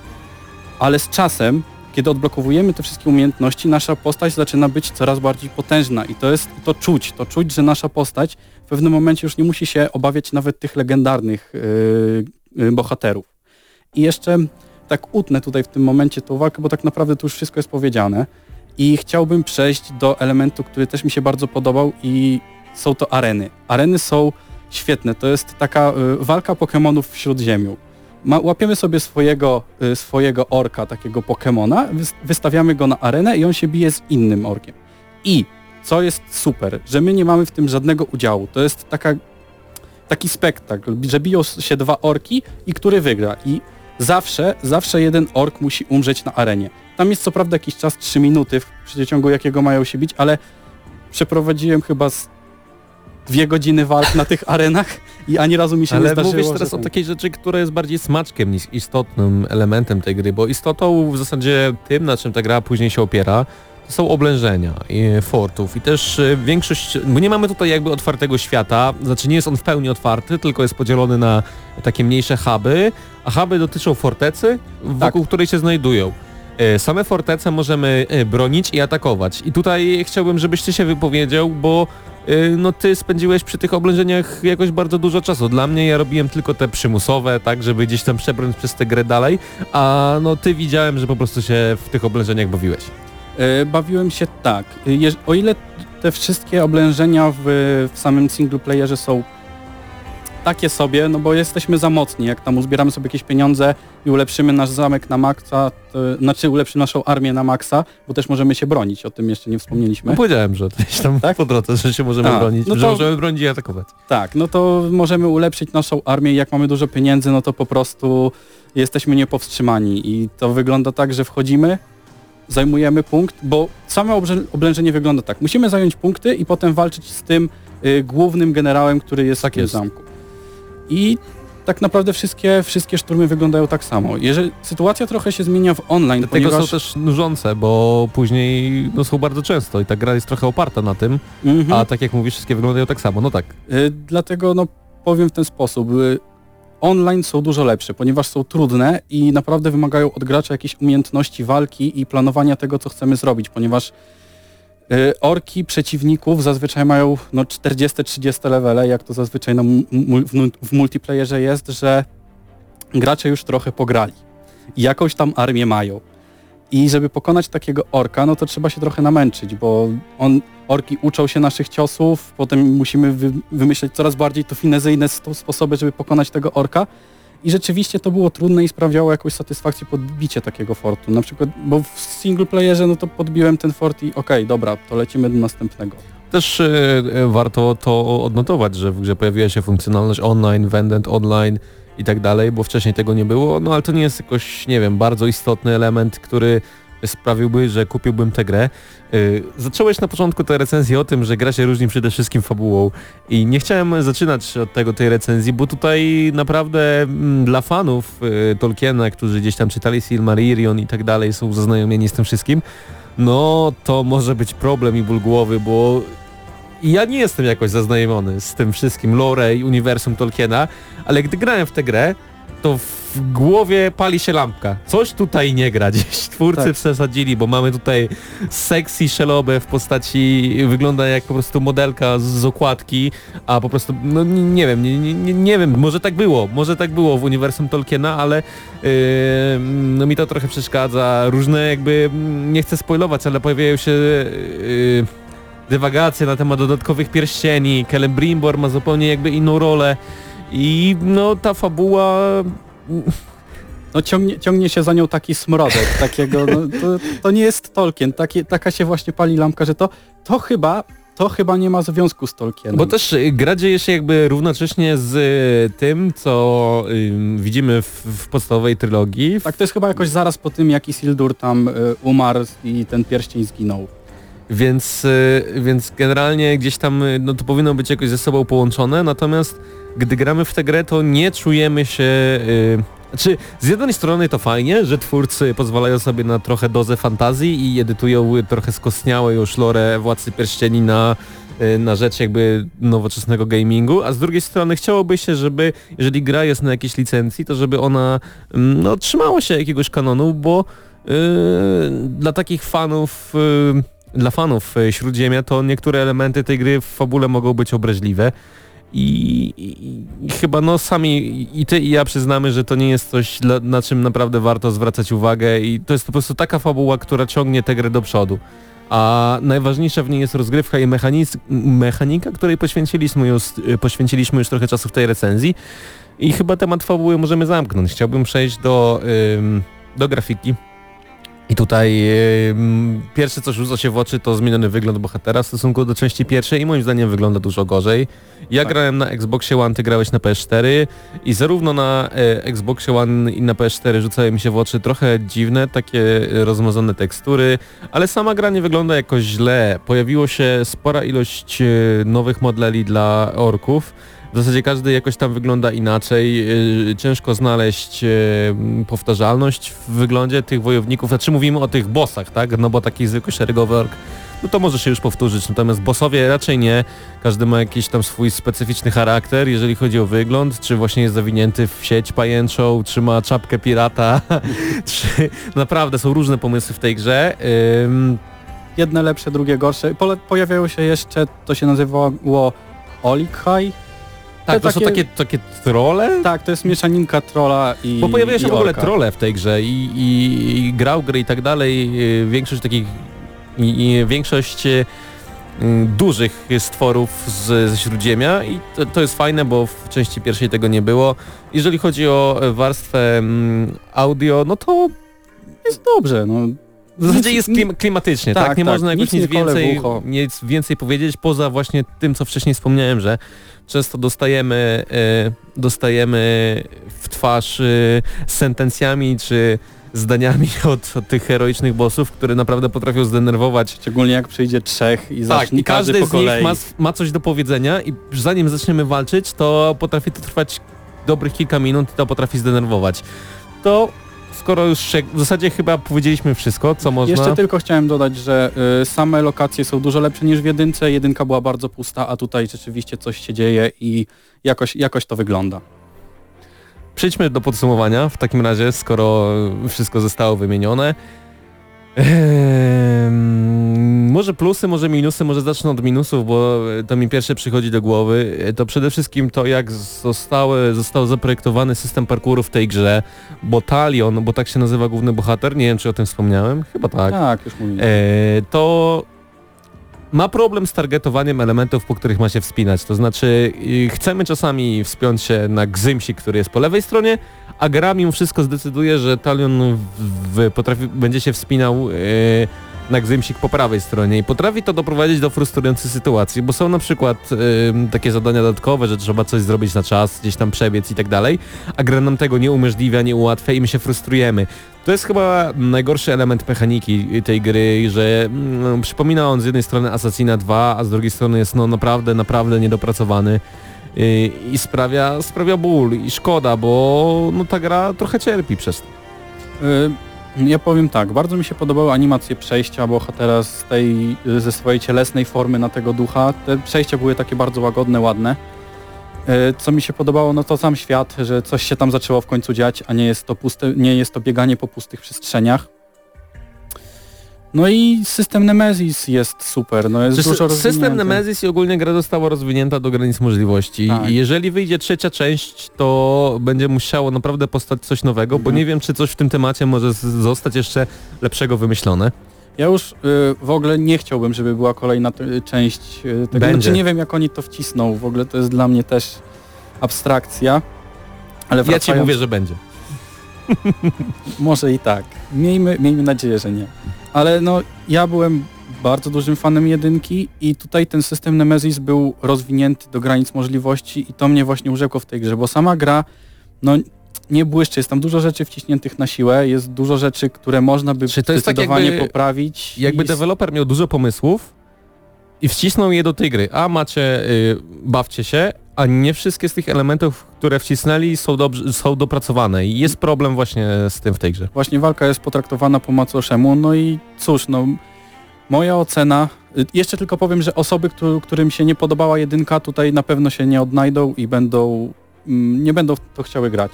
I moja ocena to jest 7. Ja powiem tylko tak, że mm, mnie też odrzuca system agresywnych mikrotransakcji, gdzie gra nam trochę narzuca na samym początku gry, żeby kupować te skrzynki i tak dalej i nie do końca mi się to podoba, a ja za to powiem odwrotnie, że jeżeli w ogóle nie graliście w, w Middle Earth Shadow of Mordor, to zagrajcie w Shadow of War, bo może wam się podobać e, bardzo i ode mnie to jest gra na ten moment przynajmniej z, tymi z tymi wszystkimi wadami, zaletami, które wymieniliśmy na 7,5. Czyli reasumując, na jaką ocenę się zgodzimy? Niech będzie 7,5, bo jednak trochę czasu przy tym spędziłem. To e, 7,5 odgramy na maksa i dziękujemy wydawcy za dostarczenie gry do recenzji.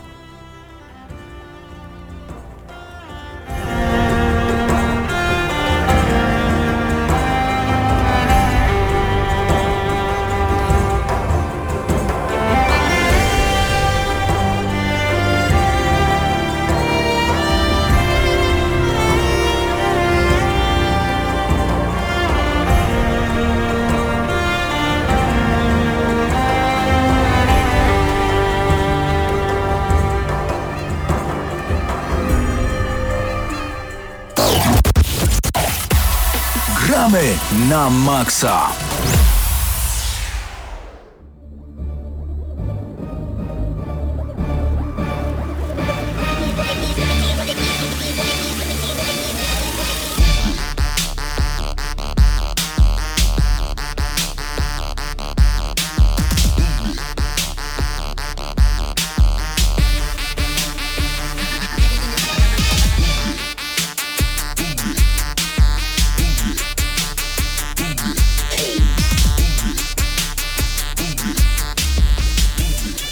Gramy na maksa, czas na recenzję South Park e, Fracture e, Bad Hall. E, Kolejna część South Parka. Szkoda, że nie ma polskiej wersji. No tak, bo Pawle. mogły być tutaj, mogło być tutaj wiele różnych opcji i Podzieleni albo nie- zżyci. To, to jest albo- moja najlepsza propozycja. No ja jednak ten oficjalny trochę bardziej mi się podobał, taki krótki, zwięzły na temat w tył ku akcji. Tyłku akcji, też, też, ale no zostaliśmy z angielskim, jak, z- jakby z angielską wersją, czyli The Fractured But Whole. E, mm, Nie no ma co i narzekać. Nie ma co narzekać. E, Gra pojawiła się 17 października, więc e, no dosłownie kilka dni temu e, na oczywiście PC, PlayStation 4 i Xboxie One. W kolejnej części South Parka co się dzieje? Okazuje się, że Cartman ma znowu kolejny szalony pomysł, żeby zabawić się w pewną grę, zabawić się w całym mieście w tą grę razem ze wszystkimi przyjaciółmi I mieszkańcami. i mieszkańcami. I chodzi tutaj o stworzenie nowej serii filmów o superbohaterach, bo oczywiście wiemy, że na Netflixach, Prime'ach, jakiś Hulu i tak dalej, i tak dalej, HBO tworzone są seriale związane z superbohaterami, w kinie bardzo dużo też Marvela czy DC Comics pojawia się filmów. No i oczywiście to jest jakby e, w tym całym klimacie prześmiewczym do tych wszystkich rzeczy. E, I dodatkowo mm, Cartman nie wie skąd, skąd wziąć pieniądze na produkcję e, właśnie takiej serii filmów, więc okazuje się, że zginął kot. I ktoś y, płaci 100 dolarów za kota. Więc y, ich zadaniem... Z tego zadaniem, można rozwinąć franczyznę, to już są pieniądze. Tak. Y, I zadaniem jakby naszym i całej tej paczki będzie znalezienie kota, żeby dostać te pieniądze i żeby stworzyć film. No ale oczywiście dużo innych rzeczy będzie się działo po drodze i czy rzeczywiście uda nam się stworzyć film, no to dowiecie się już z samej gry i czy rzeczywiście będzie chodziło tylko o znalezienie kota, to też dowiecie się z samej gry. Przede wszystkim, e, kiedy podchodziłem do tej gry i myślę, że tutaj się zgodzisz, była, było takie mm, poczucie... E, Ale to już Zastanawiałem było? się troszeczkę, tak. I nie zas- wróci więcej? zasta- nie, już, już pozostawiłem tą grę. E, grałem w lepsze gry. Nie no, e, zastanawiałem się, jak poradzą sobie twórcy e, bez Obsidianu, tak? Bo to już jest, przejął, całkiem Ubisoft przejął tytuł. Dalej przy grze oczywiście pracowali twórcy South Parku i myślę, że tutaj to była mm, kluczowa sprawa dla jakby sukcesu tej gry. E, natomiast e, no już w skrócie można powiedzieć tak, udało się, tak? To jest e, porządny sequel do porządnej gry. Czy lepszy, czy gorszy, zależy jak kto sądzi. Natomiast O, o, o tym będzie w tej No. recenzji, ale wydaje mi się już na sam początek. y, Warto powiedzieć, tak jak powiedział kiedyś Cliff Bleszyński, czyli twórca między innymi no, całej serii praktycznie Gears of War, czyli po prostu kolejna część jest bigger, better and more badass i tak, tak, tak można podsumować e, South Park The Fractured But Whole.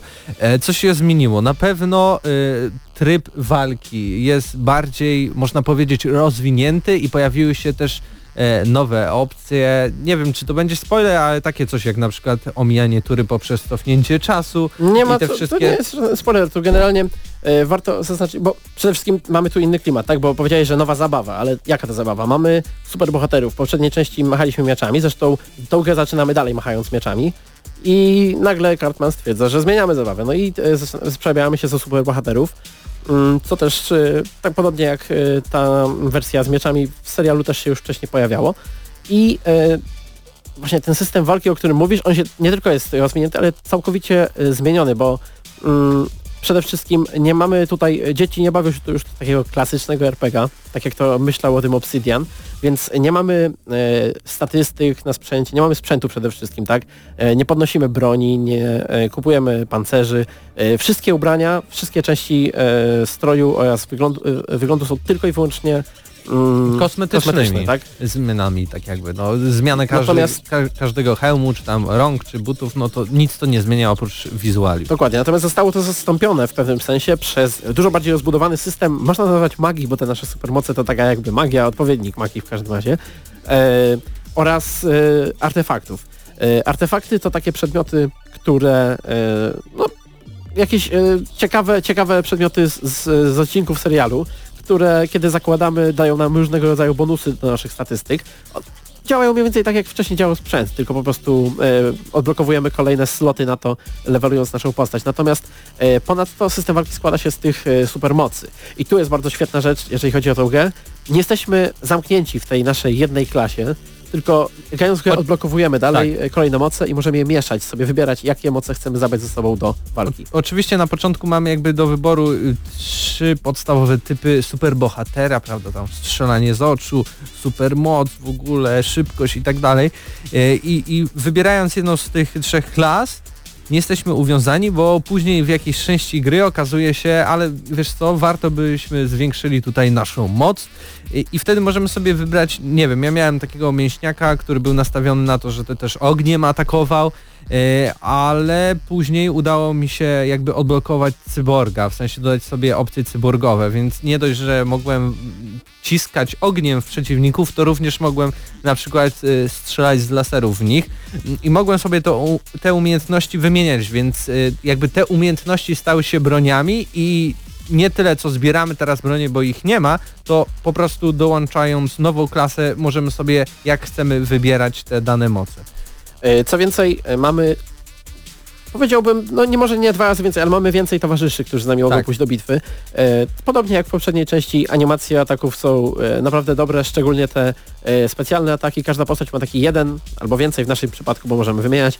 Taki najlepszy atak, Super ładuje, atak, tak. ładuje nam się taki jakby pasek combo powiedziałbym, e, które odblokowujemy poprzez wciskanie przycisków w czasie naszych ataków albo w czasie ataków przeciwnika, taki quick time event, tak?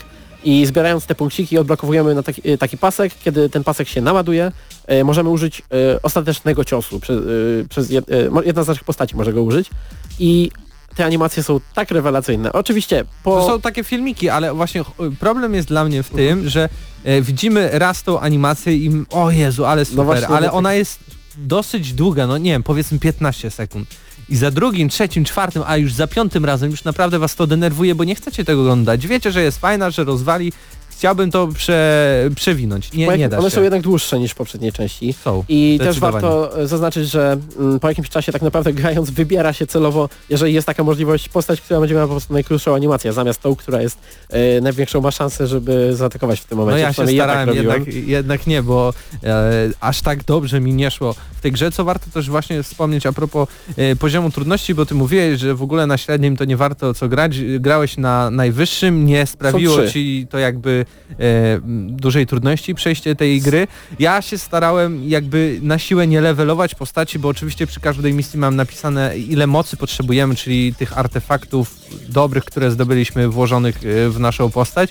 No i zazwyczaj szedłem z tą mniejszą mocą niż wymagana i na tym takim średnim poziomie trudności już jakby to było wymagające, ale nie było też za trudne ani za łatwe, bym powiedział idealne. No właśnie ja troszeczkę jednak starałem się mm, maksymalizować swoje możliwości, może dlatego mi się gra troszeczkę łatwiejsza niż poprzednia, ale to nie jest też taka gra, że przejdziemy jak e, bryzę bez e, żadnego e, myślenia. Co więcej, tutaj akurat pojawia się dla mnie jeden z większych minusów gry, ale też nie jakichś gigantycznych, mianowicie misje poboczne, które w większości tak na dobrą składają się z takich typowych mm, Ubisoftowych chciałoby się powiedzieć znajdziek, to znaczy albo ilościowych takich fetch questów, to znaczy przyjdź, powieść to, złap to, znajdź Tak. tyle i tyle takich rzeczy, wykonaj tyle, tyle takich rzeczy, y, y, zrób kupę w tylu a tylu kiblach i y, nabijając te rzeczy y, dostajemy za to y, dosyć duże ilości doświadczenia, nie jakieś gigantyczne, ale potrafią nam ten jeden, dwa levele nas przepchnąć y, do góry.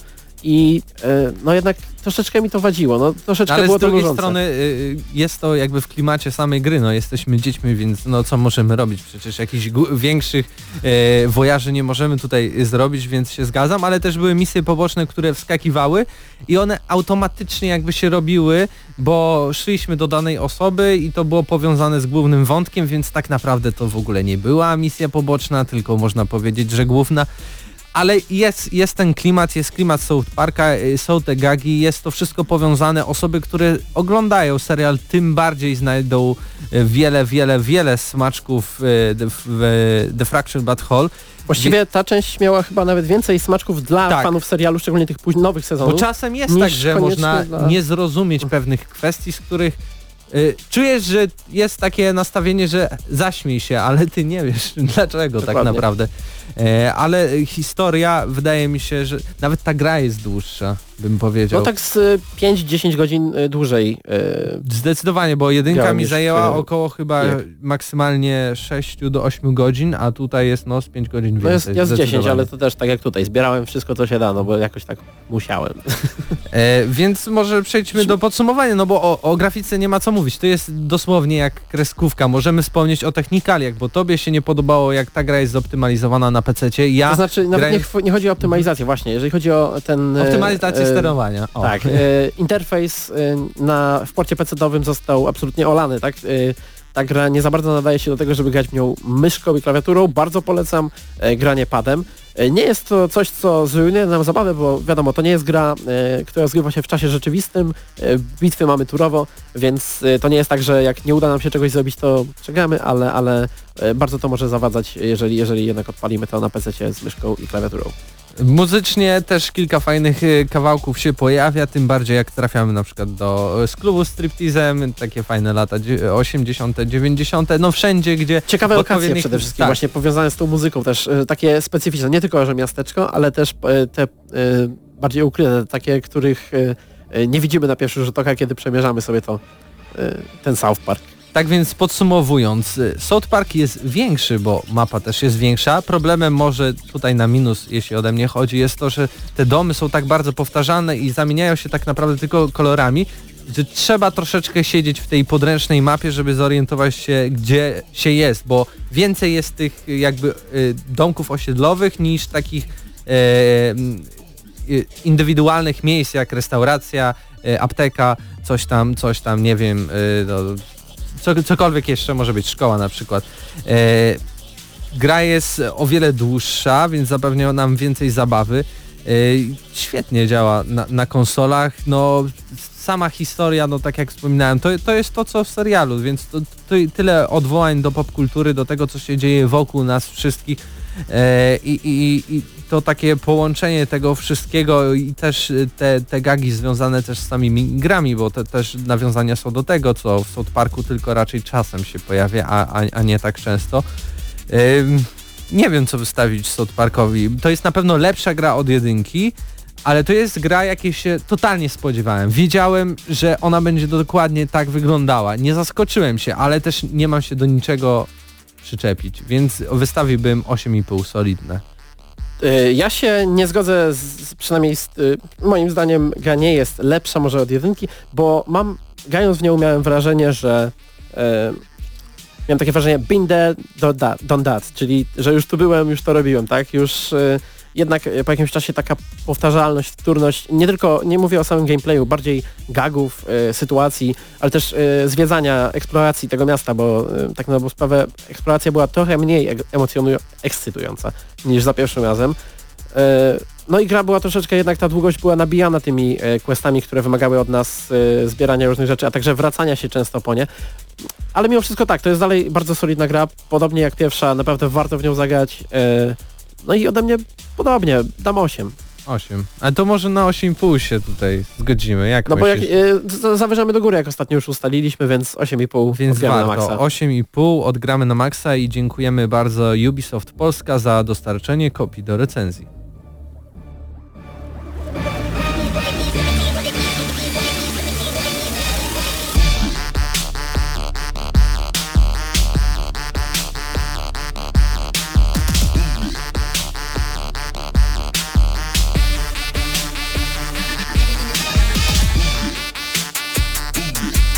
I to właśnie była audycja Gramy na Maxa. Jak zawsze ostatnio aż e, za mało nam tych 60 minut czasu na kolejne recenzje. Już za tydzień kolejne recenzje, kolejne e, top 10. Zresztą usłyszymy się także o godzinie 21 w kolejny wtorek, a mamy dla Was przyszykowanych kolejnych mnóstwo tytułów. The Evil Within między innymi pojawi się także najnowszy Layton, być może już Fire Emblem, zobaczymy. Mamy w co grać, mamy co ogrywać tam, także Project Cars 2, więc koniecznie wyczekujcie na najbliższe Gramy na Maxa. Ja nazywam się Paweł Typiak, a z Wami była cała fantastyczna ekipa, którą możecie oczywiście zawsze poznać także na YouTubie, a także na gramy na maxa.pl. Do usłyszenia i życzymy dobrej nocy. Gramy na maksa.